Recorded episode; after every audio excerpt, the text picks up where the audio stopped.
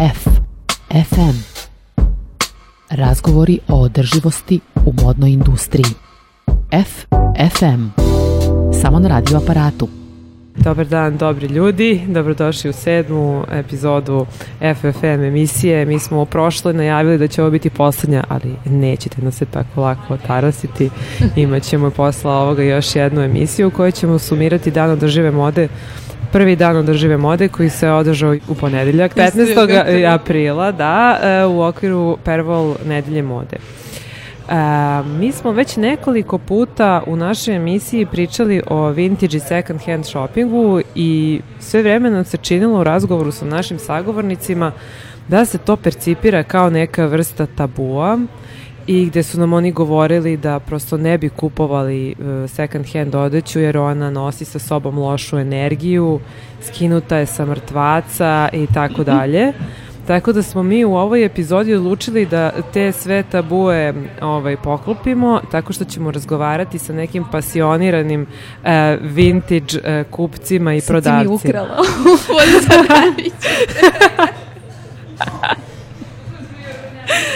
Marija, hoćeš da predstaviš naše goste? E, Zdravo svima i od mene. E, Dakle, sa nama danas su Branka Kutlešić, e, autorka Instagram profila za prodaju, prodaju odeće Štender Vintage i Aleksandar Luci Stojanović, istoričar umetnosti i kao što je Dunja već je rekla, pasionirani kupac vintage komada. Ima neke vintage. Zdravo ljudi, dobrodošli. Zdravo. Zdravo. E, Branka, pa hajde da počnemo od tebe. Uh, dakle, ja lično sam tvoj profil na Instagramu zapamtila po tome što se sve stvari rasprodaju i pre nego što ugledam fotografiju. Bukvalno, a ja veruj provodim vreme na Instagramu malte non stop. Da. da. E, pa reci mi, kad si, kad, kad si ti zapravo počela da prodaješ odeću preko Instagrama i kako si došla na tu ideju? Pa ovako, uh, pa iz, stranica sama postoji, sada u maju će biti nekih godinu dana, a sama ideja za to je došla nekih šest meseci pre toga, a ja sam čekala pravi moment da se to kod mene sve onako formira, da bude onako kako ja to želim. Znači u maju će biti tačno godinu dana kako sam pokrenula stranicu. Dobro, a reci mi kako, kako si sakupila stvari to za početak, kako dalje? Kako sam sa, to je trajalo otprilike godinama, to sakupljanje stra- stvari, e, počevši od maminog ormana, tatinog, e, komšinke, gde god sam stigla, gde god sam boravila, podrumi, e, tavani, skrivena mesta, gde god sam mogla da nađem. Inače, moja mama je u modnoj industriji, šije. Ili Tako dalje da- radi ili... Da, i dalje radi, da. Samo se ne bavi ši, šivenjem, već ima drugi posao. Tako da to kod mene traje godinama. Prvo moje dodir sa second hand prodavnicama bio je negde u srednjoj školi. Kad si već počela da kupuješ? E, Počela sam pre nekih 6-7 godina da kupujem u second hand prodavnicama i to je kod mene naravno preraslo kao verujem kod svih ljudi krene neka strast za tim, pošto ovaj, sam veliki obožavalac 80-ih, 90-ih, sve što je onako staro, ima taj duh starinskog, ja to jednostavno obožavam. Tako da sam krenula da prikupljam stvari, verujem kao i svi koji to vole, to pre, prerastu u jednu strast. Tako da te stvari su se kod mene vremenom nagomilavale, tako da sam ja došla do odluke da ja to jednostavno moram da prosledim dalje i došla je ta fenomenalna ideja za mene da ono što najviše volim, što je moja strast, da ja to pretučim u nešto što je, jel te, lepo i korisno i tako je nastala stranica. E, Mi kad smo radile panel e, na temu održive mode, na prošlogodišnjoj nedelji mode, e, taj oktobru. panel se, da, u oktobru, taj panel se zvao Ko nam pravi odeću i baš se Na tom panelu smo razgovarali generalno o održivosti, a nakon toga smo priredili i razmenu odeće u saradnji sa Aleksandrom Marić iz pokreta Fashion Revolution i e, Marijom Marković, kostimografkinjom, koja u tom trenutku imala i takođe Instagram profil za prodaju razmenu odeće koji se zvao Recycle Belgrade. I ja bih rekla da tada ste vas dve bile baš u manjini um, kada su Da. takvi Instagram profili u pitanju, a sada se to već poprilično Ek- raširilo. Da, desila se prava ekspanzija, Da. bum, u poslednjih nekoliko meseci baš je došlo do buma tih profila. A koliko si ti, kada si pokretala to, imala tu održivost na umu? Koliko si to negde tu vintage prodaju posmatrala kao neku vrstu reciklaže ili si samo prosto... Iskreno u početku nije mi bila reciklaža onako glavna stvar. Bila mi jednostavna stvar da ja tu svoju ljubav pretočim u nešto korisno, da prosledim te stvari koje imam i jednostavno ne znam kako bih to opisala, tu moju sposobnost da pronađem te stvari jer često su mi ljudi govorili gde to pronađeš, kako pronađeš. Ja kad god odem negde ništa ne mogu da iskopam, da pronađem, nemam strpljenja ili bilo šta slično. I jednostavno bila mi ideja kad već to ljudi ne ide im, kako kažu, od ruke, da ja to uradim za njih. Mm -hmm. Pa ne, pa to jeste tačno. Mislim, da. ljudi se uglavnom žale na izbor u second hand radnjama, da. kako je on loš. Tako da si ti u stvari neki kurator. Da, distributer. ko, kurator, ko, da, da, kurator vintage kolekcije. Da. A ti, a ti, Luci, ajde da pričamo o tebi. Uh, ni ja nikad nisam imao na umu nikakvu reciklažu, održivost, uopšte nisam razmišljao o tome. Uh, kad sam počeo da obilazim buvljake i prvo je bio novo beogradski buvljak pre 10 godina. Uh, bilo je samo daj još. Aha. da. Pošto ja volim da se oblačim, tako da je bio, bio jedini i kao glavni cilj je bio što više odeće za što manje novca. I onda, naravno, ista je priča i ja sam nagomilao gomile, gomile i gomile odeće. Uh, jedino što mi ne ide baš da prodajem, to bi mogao da se posavetujem. da, po, da, po, da postavimo nešto moje na, na Instagram. Može. Uh, pošto sam sada u fazi pauza, ne kupujem ništa od odeće i dalje obilazim pijace, ali od odeće se ograđujem trenutno, jer imam stvarno previše. A dobro, znači ti si odlučio da kupuješ manje? Da ne kupujem neko Uopšte. vreme. Pa dobro, imaš dovoljno. Ja ne kupam Dobre, za rekao... sebe više. Da, da, da, da, da. to sam e, prestala. A Luci, e, rekao si da je pre 10 godina e, glavno mesto za shopping vintage garderobe bio Novobeogradski buvljak, a koja su to mesta danas? Gde može da se nađe najbolja vintage garderoba u Beogradu? Pa ja mislim Zemunski buvljak i dalje, ali tu postoje ograničenje jer tamo mora da se ode u cik zore, u pet, u šest ujutru, što meni ne ide baš od ruke. Mi smo tamo uglavnom išli posle klabinga.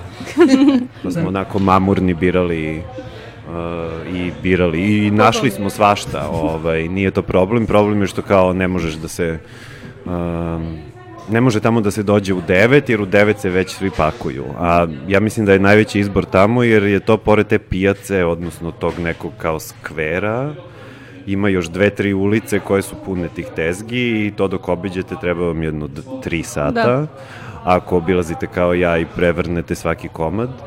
Tako da Zemun je najtoplija preporuka ako možete da ustanete rano. Ako ne, onda Kalenić. A, a, a najlon? Najlon, ja iskreno za Zemunski se ne bih složila, jer ja zadnja dva puta, skorije što sam bila, ništa od odeće nisam pronašla. Iako odem negde već oko pola osam budem tamo. Jeste to je da kasno već. Jeste da se oni raziđu, ali se oni vrate, ali jednostavno sa garderobom nisam bila. Kalenić ostaje moje primarno mesto, a inače e, moram da napomenem Kraljevo i Buvljak u Kraljevu. To je otkrovenje, tu sam u poslednje vreme Daj nam Tome. savjet, jel postoje neki dani posebni kada treba Oni ići? Oni rade, koliko i... sam saznala, petak i nedelja. I Bubanj potok, tu sam subotom išla, tu može ponekad da se nađe. E, ja recimo na Bubanj potoku ništa nisam našao. Eto, u stvari, da. sad nemamo nikakav da, savjet. ne, buko, kod kupovine u second hand prodavnicama i vintage, mislim, komada, ako želite da nađete, tu baš nema pravila. I kad idete na buvljake, verujem da će se on složiti sa mnom da tu, kada krenete, jednostavno ne možete da imate neka očekivanja da ćete pronaći nešto. Ipak su to buvljaci, možete naći pune kese stvari, odeće ili čega god. A nekada se da desi kažete, da se vratite... trebaju mi farmerke i da, da ih nađete, nema šanse. Ako, da. ako zamislite da vam nešto treba, e baš to nećete da nađete. Da, tako da na buvljak uvek i u potragu za stvarima bilo koje vrste na buvljacima treba ići otvorenog uma, nikad se ne zna šta ćete pronaći. Tako sve zavisi od dana, od No, mislim da ima dosta faktora, ali glavna stvar je stvari Moram treba ići treba ići redovno. redovno da i ovaj dobro kopati. Glavni stav je treba mi sve i šta god najđeš to da, upravo uzmeš. To. Sve što Dobro, ti se svidi, nikad se jednostavno ne zna. Znači, e, morate on, da ali to onda da dovodi do toga da nagomilaš stvari. da. A šta je, Onda ih proslediš. E, a, ovaj, a šta je sa ljudima koji ne žele da idu na buvljak i da provedu celo jutro kopajući za stvarima? Da li postoje, da li vi znate neke radnje koje postoje u Srbiji vintage radnje u kojima je super izbor. A povoljne cene, pošto znamo svi za, da postoje neke vintage radnje koje su super, ali su im cene malo veće.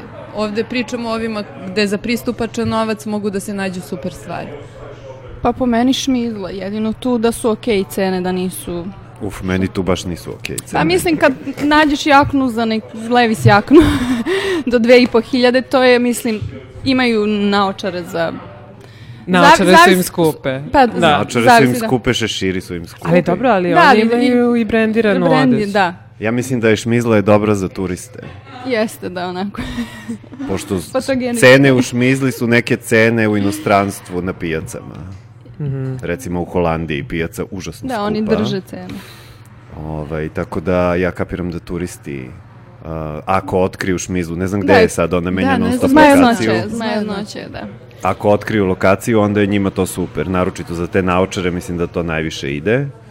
Ovaj, a što se tiče cena, meni baš nisu. Pa ja mislim da im Da. nisu previsoke, mislim da su okej, da nisu previsoke, ali mislim da treba da se drže više se- second hand prodavnica. Dobro, pa dajte nam neke druge još. Ajde, znamo za Textile House svi. Doduše, tu isto mora da se kopa. Da, tu mora da se kopa. Da. Mora uvek da se kopa. Svuda ne? mora, to je glavna Znači, stvari, stvar. to je da. za kopače, jedan shopping za ja, kopače. da, dosta strpljenja i ovaj ali, oštroko. ali znate šta, u suštini kad idete na uh, rasprodaje je slično. Da, tako da, to je taj ono Ka, mindset. da, kažu da je sad Zemun glavni, glavna lokacija za kupovinu second hand garderobe, da ih bukvalno ima na svakom koraku. Uh, da. Uh, Textile House je na glavnoj, čini mi se. Yes. On je A onda su u Da. poprečnim Oni su- ulicama neki kao mali vintage second hand, sad kako god da se zovu, i non stop se menjaju. Koleginica Da. koja živi tamo mi kaže kao, e, danas se ovaj zatvorio, otvorio se preko puta, Da. drugi. Ili se taj prebacio u narednu ulicu. Tako da Zemun nije već, ja mislim, 4-5 godina. Ja sam tamo krzno išao da kupujem. Ovaj, uh, jer je bio taj jedan koji je prodavao, koji je isto imao dosta jake cene, ali onda kao za krzno moraš da daš malo više. Uh, a sad, ne znam, u Textile House u Zemunu sam našao uh, pantalone koje sad više čak i nisu mnogo nešto zanimljive, pošto je to osvanulo na bulevaru svuda. Fendi Zuka print i to za 800 dinara. Znate kako Textile House ima ekskluziv liniju? Da, da, da. E, ove čak nisu znači oni nisu znali da je to Fendi, nego su ih stavili kao u regularnu liniju po ceni od 800 dinara i ja sam to odmah zgrabio. Kao. U Textile House. To je bilo pre jedno tri godine. Da. Ja sam našla Eskadin e, korset za 150 godina. Dinar. Da. Pa ja sam uzela onaj And the Mule Mister Sako za 1800 dinara. E, pa ja nisam Da. ni na što. e, Luci, ajde, ili, ili ti, Branka, e, ajde samo da kažemo, e, u Textile House-u postoje oni ciklusi. Da. Ka- kako ide i na koji vremenski period? Pa ja mislim da oni mesečno idu, da kreću cene regularne, da ih tako nazovemo. Pa krenu, ja mislim, od 450 dinara. Pa ja mislim na svakih 7 do 10 dana da oni organizuju te rasprodaje dok ne stigne, kako oni to kažu, nova kolekcija. Da, i znači do kraja bude, kako beše Lucione? 450, 350, 250, 150, nekad i 50, ja mislim. Da, ali tad ne ostane Ništa, bukvalno da. ništa. Da, tad je... Sad je, ja mislim, 20% na Da, sve. u početku, da. Čim stigne nova kolekcija, 20%. Zatim bude 50 i onda kreću 450 dinara i dalje spuštaju. ovaj, s tim što Textile House je dosta popularan, ja bih rekao sad. Pa ja mislim da oni imaju primat, da imaju, da su Dominaciju. veoma jaki, da, dominaciju, da su Pa zato što su monopoli. lanac Pa i lanac, nalaze se na dobrim lokacijama. lokacijama. Upravo da. imaju najbolje lokacije, ima ih svuda po gradu, ne samo u Beogradu. Da, pa to je, čini mi se, neki poljski da, ili češki. poljski ili Da, Češki. češki. E, da, da, da, lanac. Um, htela sam da vas pitam, a da li znate neke prodavnice koje prodaju e, isključivo brendiranu vintage garderobu? Kod nas. Kod nas, da. Da, da. Ja iskreno ne znam za vintage sajam koji se održava. Mislim da je u hotelu Slavija. Jedino to što znam, da baš Da ti pada promo, na pamet. da, da, promovišu brendiranu garderobu da prodaju polovnu. Jedino to što mi pada na pamet. Em, ja znam za u, u, u Marš Open Space-u se, se organizuje s vremena na vreme uh, te devojke se zovu komisija i one prodaju mm -hmm. brendiranu garderobu. Mislim da ima čak i brendova domaćih. A, ali evo možemo da pomenemo i ovu Anu. Anu Trošić Trajković jeste, koja je baš u ponedeljak otvorila svoj novi prostor. Biro 3... 54C. Da. Imam problem sa tim brojem.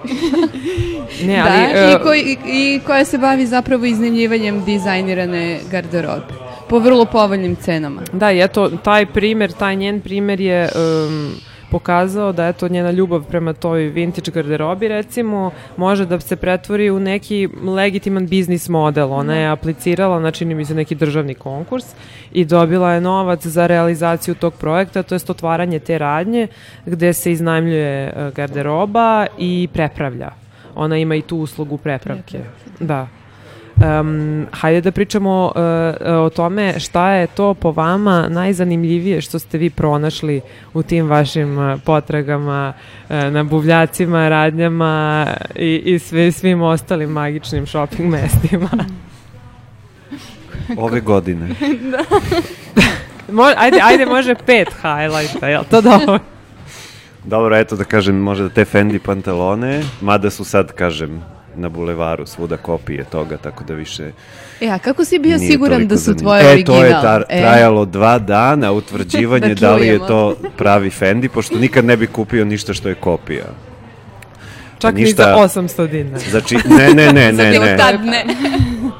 to sam bio sa koleginicom koja je, živi u Zemunu i obilazili smo i ja sam na, naleteo na to i kao probao sam i bile su u redu I onda sam bio kao, nisam bio siguran uopšte da li je to pravi Fendi ili nije. Malo ta etiketa mi je bila, ono, ne znam.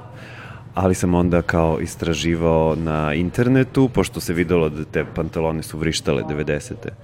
Ove, visoki struk i široke nogavice. Tako da, e, posle dvodnevnog istraživanja, a, i utvrđivanja šta treba da piše na etiketi, pošto tada Fendi nije sam proizvodio svoju odeću, 90-ih nije još bio porastao kao brend toliko da ima svoju to imperiju sa fabrikama, već je to proizvodila neka firma koja se zvala nešto Teddy SPA, tako nešto. I onda je zvanična etiketa na onom sirovinskom sastavu i sve, treba da piše da je kao proizvedeno u Italiji, ali da piše da je to proizvela ta firma. Mm -hmm. Tako da sam kao Pisala. posle dva dana onda sam otišao nazad i uzeo ih zato što je pisalo sve kako treba. Tako da pretpostavljam da jesu bile, da jesu original, ali to sad više ni ne vredi jer se taj uh, print sada zloupotrebljava masovnim kopijama na bulevaru. Zato Mislim da je treći put da pominjamo bulevar. Izreklamirat ćemo bulevar. Ako volite kopije, idete na bulevar. Pošto je Karl Lagerfeld jel, vratio pre 3-4 godine. Baš, baš tada kada sam ja kupio, ja mislim da je od, odma naredna kolekcija imala uh, taj print, je, taj print, print u krznu, na čarapama, Torbama, svuda, svuda, svuda, da. svuda, svuda. I onda je za godinu dana se već pojavio, ob, obrne se na bulevaru, što bi se reklo. A, Šta još si zanimljivo kupio? U Zemunu tad jednom, baš posle klabinga, sam naišao na limun žuti Yves Saint Laurent džemper od Angore, uh, malo veći do duše, ali može da se ukombinuje.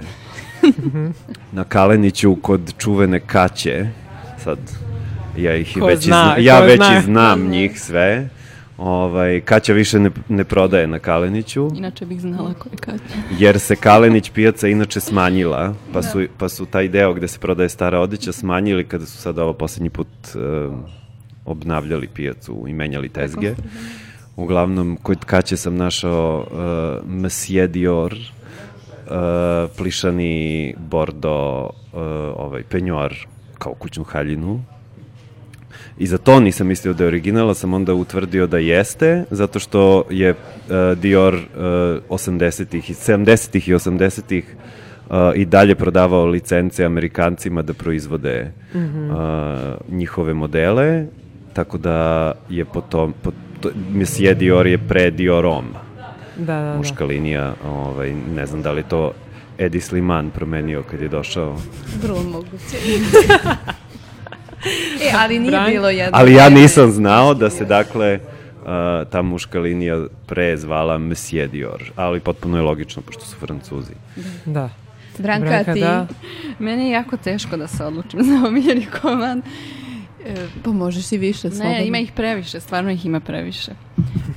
Ja imam taj problem, u stvari to i nije problem, imam par komada koje nađem, baš kad ih ugledam znam da nisu za prodaju, da su, da ostaje, evo na primjer ovo što je trenutno na meni, oni ne mogu da vide. Čekaj, sad ćemo na- da te uslikamo, da, da, stavimo... ovo sam našla na kaleniću, ovaj plišani ogrtač.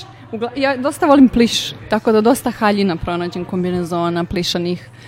Ja volim 80, tako da do, pronašla sam skoro e, jed, na Kaleniću takođe, e, crn e, oversize sako koji je sav prekriven šljokicama, Koliko si ga platila? 400 dinara. E, ja, pa dosta, Do- ba, baš mi je teško. to je baš za mene, baš, baš, baš teško da ovaj, svaki komad mi je ovaj, Novi omiljeni komad. da. Marija, a ti? Šta je, izvini, Pa da snimam live, ti? ne mogu Ja- ja da se... Da li imaš ti neki omiljeni komad? Uh, koji sam našla na. Pa ja se više vezujem emotivno za stvari, tako da sam ja vezana za ove stvari koje sam uzela od svojih baka i od majke. I moj omiljeni preuzeti komad jeste mantil uh, Novitetov iz Novog Sada, to mi je od bake. I takođe mantil koji sam uzela, mislim to je vintage zato što je star, ali sam uzela od bake svog druga. Dobro, a to je od To Petra. smo, da, od Petra. Hvala Peri, evo i sad. Luci i ja smo bili u pohodu na tu garderobu. Meni je Dobro, Dunja, omiljeni, ti da da, čujem. meni je omiljeni ovaj kaput koji sam našla na Etsy-u za 40 funti uh, Žil Sander. Tako da, eto, ovaj, uh, meni i dalje online kupovina omiljena kupovina.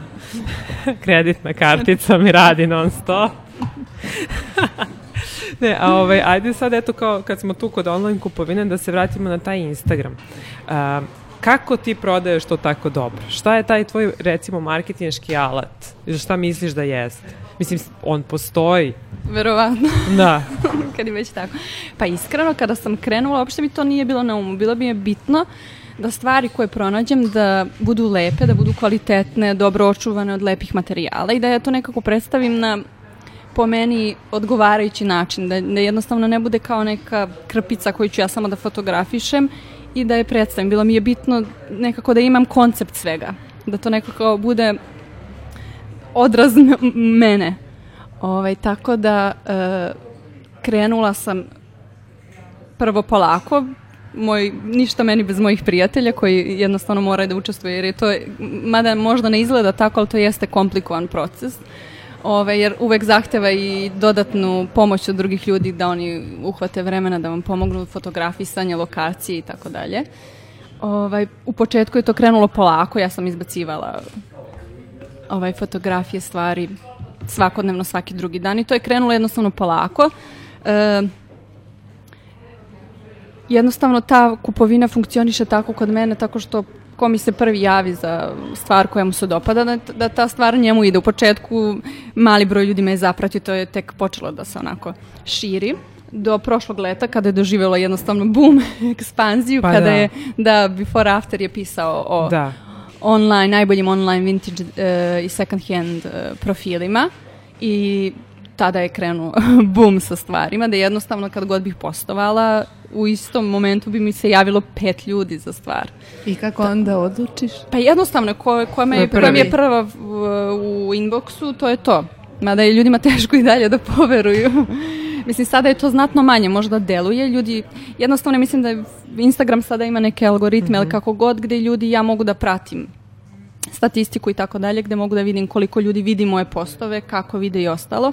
Tako da ja preporučujem ljudima da uključe notifikacije i onda ljudi uključuju notifikacije i ovaj, odmah vide post, kome se dopadne, oni se jave i tako dalje. Tako da u principu tako funkcioniše.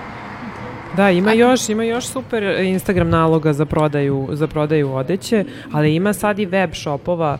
Ove, mislim da je u stvari najomasovljeniji taj moje krpice sajt. Jeste, to je već To neko da. vreme, jeste. Da, oni su sad već baš ovako nekako uspostavili sebe kao brand i čini mi se da postoji i na hrvatskom tržištu, da se to nekako kao franšiza razvilo i da, i da sad radi posao i tamo. A ja bih voljela da pomenem i taj jedan portal koji se zove Hooks and Looks, koji je nedavno otvoren, e, domaći je portal i e, oni prodaju brendiranu vintage garderobu po baš, baš finim cenama. Ovaj, meni se čini da te devojke e, idu po buvljacima po inostranstvu, da sakupljaju garderobu i onda e, prodaju preko web. E, sad kad si spomenula inostranstvo, šta vam fali ovde što nema kad govorimo o vintage ra- radnjama, a ima u drugim zemljama? Ne znam. Uh, recimo, u Amsterdamu sam baš još uvek bio kao all about flea market, pa smo išli na dve različite pijace, koje su obe bile dosta skuplje, kao što sam pomenuo, ali Amsterdam je imao i taj neki epizod, uh, koji je lanac second handova, oni zovu to vintage, ali uglavnom je to više second hand, nije baš ta odeća nešto mnogo stara. Uh, ono što fali ovde je možda da fali više brendirane odeće. Da, složila bih se sa tim, ti si imala Jer sreće. brendirana stara odeća povlači da je to uh, stara, starija, povlači da je to kvalitetna odeća koja će da traje dalje i koja je od odličnih materijala i koja čak i kad je bila na gomili na buvljaku, kad je opereš ili hemijski očistiš i dalje izgleda odlično. Slažem se. Da, a ovaj, da li pronalazite odeću starih e, domaćih tekstilnih Da. fabrika? To da, rudnik uglavnom. Da. Gde? Da. Pa svuda, mislim, gde god, ja sam u Kraljevu na Buvljaku našla košulje, na Kalaniću isto tako. Da. Mislim, meni je se. nekako logično da kod nas ne postoje ti, ti da. vintage e, Strani e, brendovi. strani brendovi, jer prosto nikada mi nismo bili toliko bogata zemlja da bi Upravo. naši ljudi imali tu odeću koju će posle jeli, samo proslediti na dalju prodaju, ali jesmo svi imali te neke um, domaće Domaći, dizajnere, da. domaće brendove. i Milenu Marić možete Jest, naći, on da. je, ima i dosta i torbe njene da se pronađu i haljine. Skoro sam na zemlju Mirjana Marić na Kaliniću je kad kad vidite nešto i pitate koliko je to, on ka, To je "A, to je najskuplje." Mirjana Marić, to je hiljadu. ja sam našla kožni prsluk, e, bio je 300 i isto sam našla u- na zemunskom buvljaku sam našla njenu suknju, usavršeno očuvanu, ali ja nekako, pošto ne, ne volim kožu i ne nosim je, Aha. ovaj, e, nisam uzela tu suknju, bila je 200 dinara sve cene. Tako da i kožne torbu sam, im, njenih stvari ima. Našla sam takođe na Kaleniću e, Vericu Rakočević, svilenu haljinu. Koliko Njenu. je bilo? Komplet je bila haljina i neka košuljica preko 200 dinara. Da, eto, da Verica čuje. Da. Kad smo kod Mirjane Marić, imam zanimljivu anegdotu. A, na jednoj tezgi je bilo gomila odeće njene. Ja mislim da sam ja sve to pokupovao. To su bili neki svileni kombinezoni sa koji um, kožna torba i prsluk sa suknjom i sve je bilo sa etiketama uredno iz perioda, ja sad ne znam, pokušavali smo da utvrdimo, ali cene su bile, recimo, suknja je bila milion i osamsto hiljada dinara. Pa, a dobro, Znači, to su u- one stare cene. U vreme inflacije Da, ne znam 90. ko je sada. A znači, to je verovatno iz nekog butika samo pokupljeno i kao više niko nije želeo to i završilo je na Kaleniću, a zapravo je odlično. Ne znam kome sam dao. A da, svileni kombinezon je otišao Zoji Borovčanin, Lira Vega, kožena torba moje tadašnje cimerki, ne znam sa koje sam zadržao pa sam napravio prsluke. Ne znam kome je suknja otišla, ne mogu da se setim, ali bukvalno je bila mala kolekcija Ali eto, Mirjane Marić. da, ali to sve što vi radite u stvari spontano je sad nešto što se predlaže e, svima, svima modnim potrošačima. Dakle, kupovina na vintage buvljacima i prepravljene odeće. Je li ti i Branka isto prepravljaš? E, e, ranije da, dok sam bila mlađa, mama mi je konstantno šila. Ja ono što zamislim, ali više ona nema strpljenja za to, a i ja nisam više toliko opsednuta time. Tako da ja uglavnom kupujem, gde kupujem za štender, kupujem i za sebe, mada sad dosta u manjoj meri za sebe. Mislim, nema po, potrebe više. imaš fundus. Imam, praktično imam fundus. A ti se javljaju ljudi možda da bi prodavali svoju neku vintage garderobu? ili- Dešavalo mi se ljudi Evo ja se da žele dogovoreno. ovaj, Dešavalo mi se da žele da prodaju svoju neku garderobu koju imaju i da sam ih ja baš upravo upućivala na recycled Da, da, da, da, da. da, jer oni upravo, to je odlična zamisao za koju sam videla da je stala, da neko vreme već ne funkcionišu, št- ali je zamisao fantastična, gde jednostavno sve što želite da prosledite dalje, pošaljete njima, oni, mislim da bi to dobro funkcionisalo da nastavi Pa dalje. videla sam da postoje sad neki slični profili, ja sad ne mogu da se setim kako se zovu, ali dakle neki su samo preuzeli taj Da. model i rade to što isto mislim legitimno. A Marija je prestala, nažalost. Verovatno Mislim, ne da, to je, to je šteta. Obiman je posao, ja mislim. Pa jeste, ipak e, treba komunicirati valjda sa svim tim ljudima Upravo, e, koji, koji, to je zapravo. Da, to je jedna ozbiljna organizacija na kraju. Da. Si, Da. Kako je njen profil postao popularni, nekako mi se čini da možda nije mogla to da, ne znam. A ma, e, Branka, koliko vremena tebi ode na ovaj biznis sada?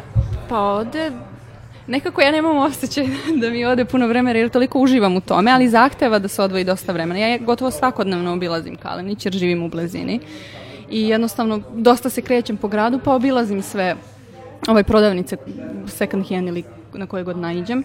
Ovaj, tako da oduzima dosta vremena. Dok se pronađe ta garderoba, ja izgubim pojam o vremenu, neka se zadržim i po sati i po vremena na Kaleniću. Ili To na minimum. Minimum, pa dobro jer ja svaki dan idem tamo, ja ponekad više Dobro, naučila sam naravno. napravi sve ljude, znam i, ovaj, i tezge i tako dalje, ali jednostavno kad idete na buvljake treba odvojiti sigurno dva, tri, četiri, zavisi koliko ovaj, Tako da oduzima dosta. vremena. Prvo dok se ta garderoba pronađe, dok ja nju sredim, operem, opeglam, ja nju i fotografišem, znači jedno peglanje, pa onda ih fotografišete i za to treba odvojiti vremena. Zatim Komunikacije. Komunikacija upravo dok vi moram da odvojim vreme kada postujem, da imam vremena da se dogovaram sa ljudima, takođe dosta vremena provodim da se, moram da se organizujem, da se nalazim sa ljudima jer ja praktikujem da šaljem stvari i da ovaj, se nalazim sa, sa devojkama, tako da zahteva vreme, ali ja nekako uspevam da sve to uklopim kad krenem negde. Da. E, to me zanima, e, kad neko naruči nešto, da li se uvek nalaziš sa njima ili šalješ i post ekspresom? Kako ide plaćanje? Da, da, da. Pa Post Express funkcioniše da pouzećem. Znači oni kada prime paket, oni plate i meni novac legne. Znači na uplatnicu primi.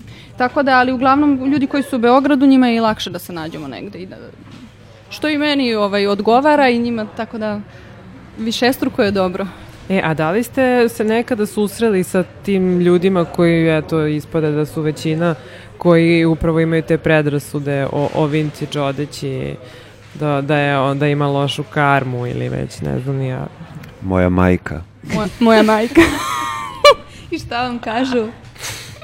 Da je to skinuto sa nekog mrtvaca. Eto, znači to je bukvalno ono neki moto, mislim, ne znam, kad je, kad je vintage kupovina. Pa moja mama nije baš to iskinuta, ali ona je, nemoj, ne treba ti, šta će ti više toga.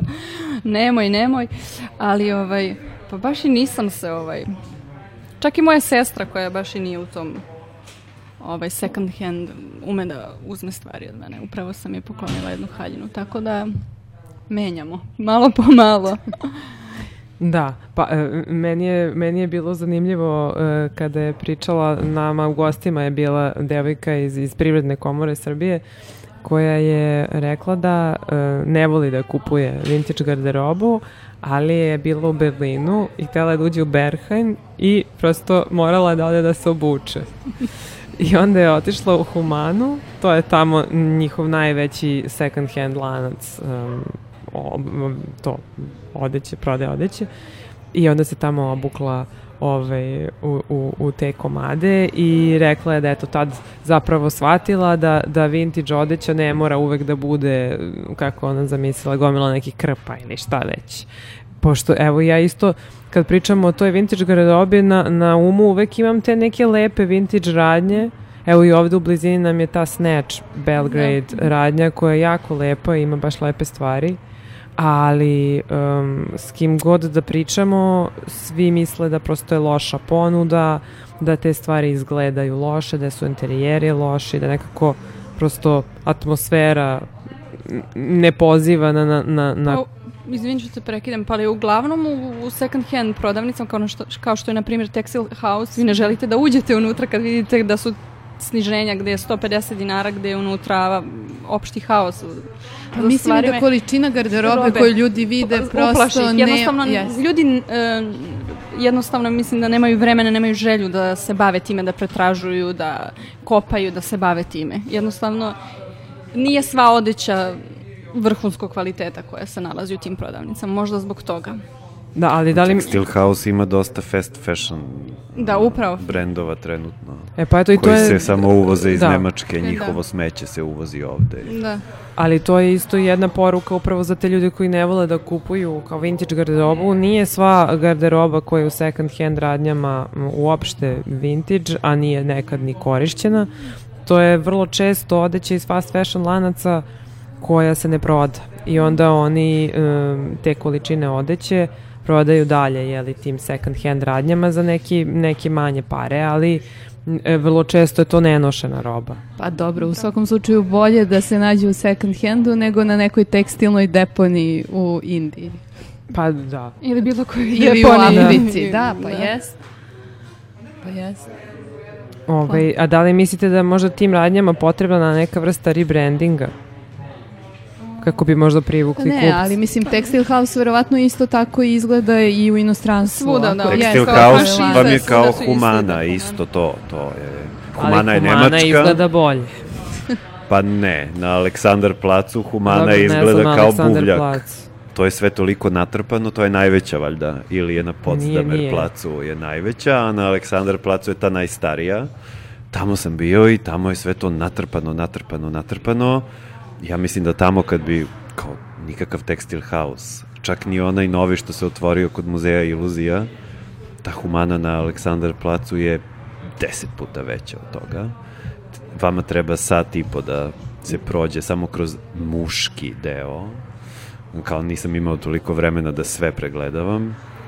A kao, to je to, nema tu nekakvog brandinga ili rebrandinga. To je samo odeća po povoljnim cenama i biraj i kupuj.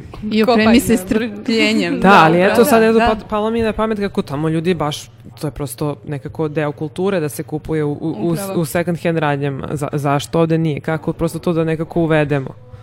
Pa dobro, ja mislim da mora mentalitet da se promeni. Upravo, da, slažem da. se sa, mislim da to ima veze sa našim Pa pojmem, predrasudama, predrasudama, takođe. da.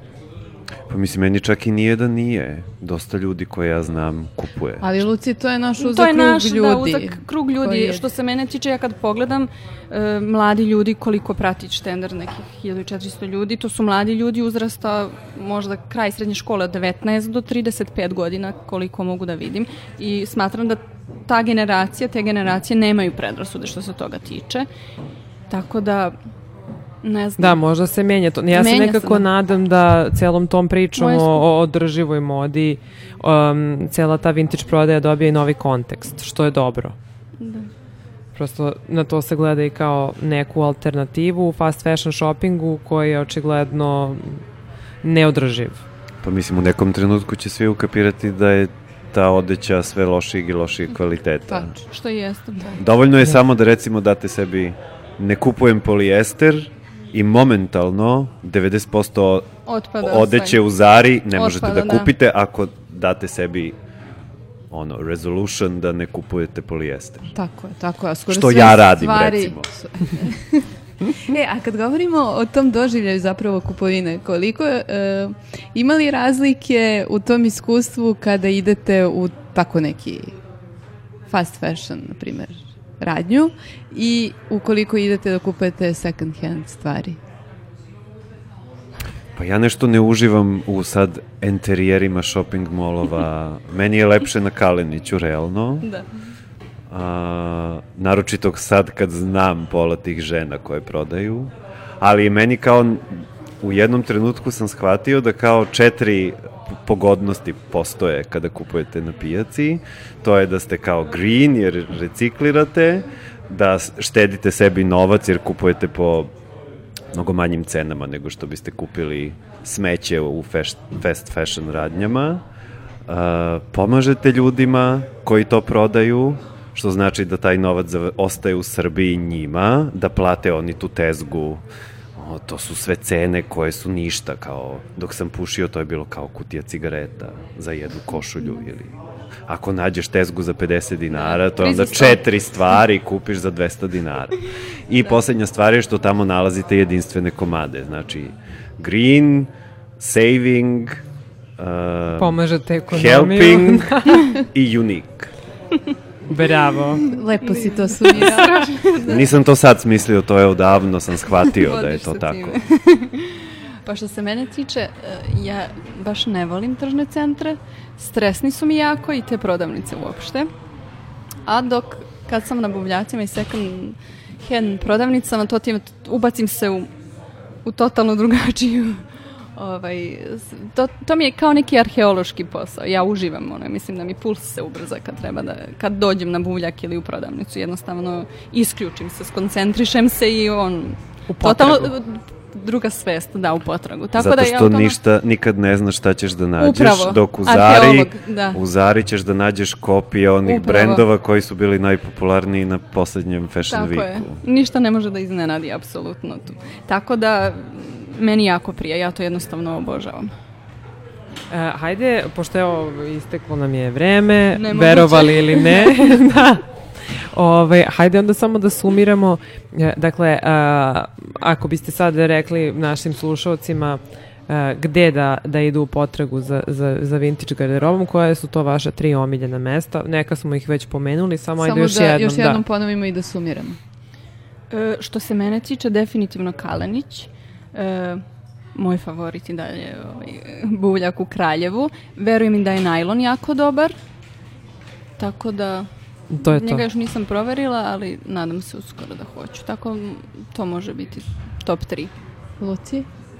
Pa ja bih rekao Kalenić uh, za recimo neke basic stvari, najjednostavnije rolke, džempere, textile house, zato što oni i dalje, pored fast fashiona, imaju i kvalitetnije recimo džempere od 100% vune, što više ne možete da nađete nigde u tržnim centrima.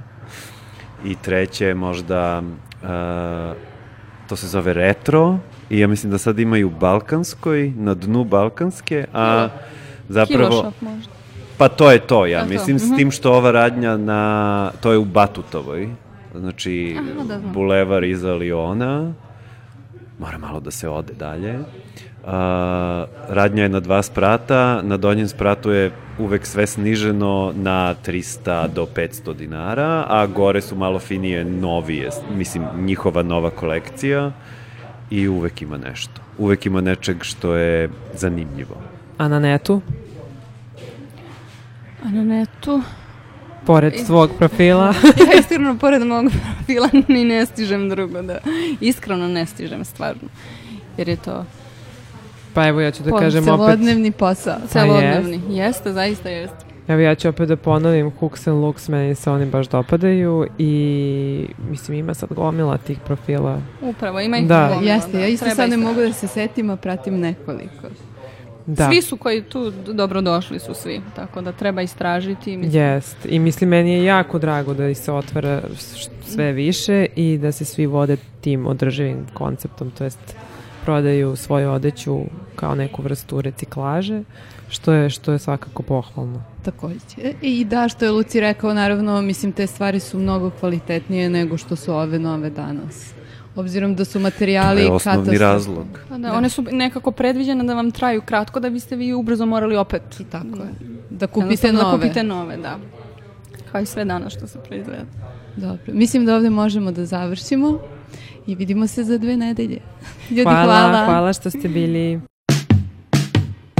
F. FM. Razgovori o održivosti u modnoj industriji. F. FM. Samo na radio aparatu.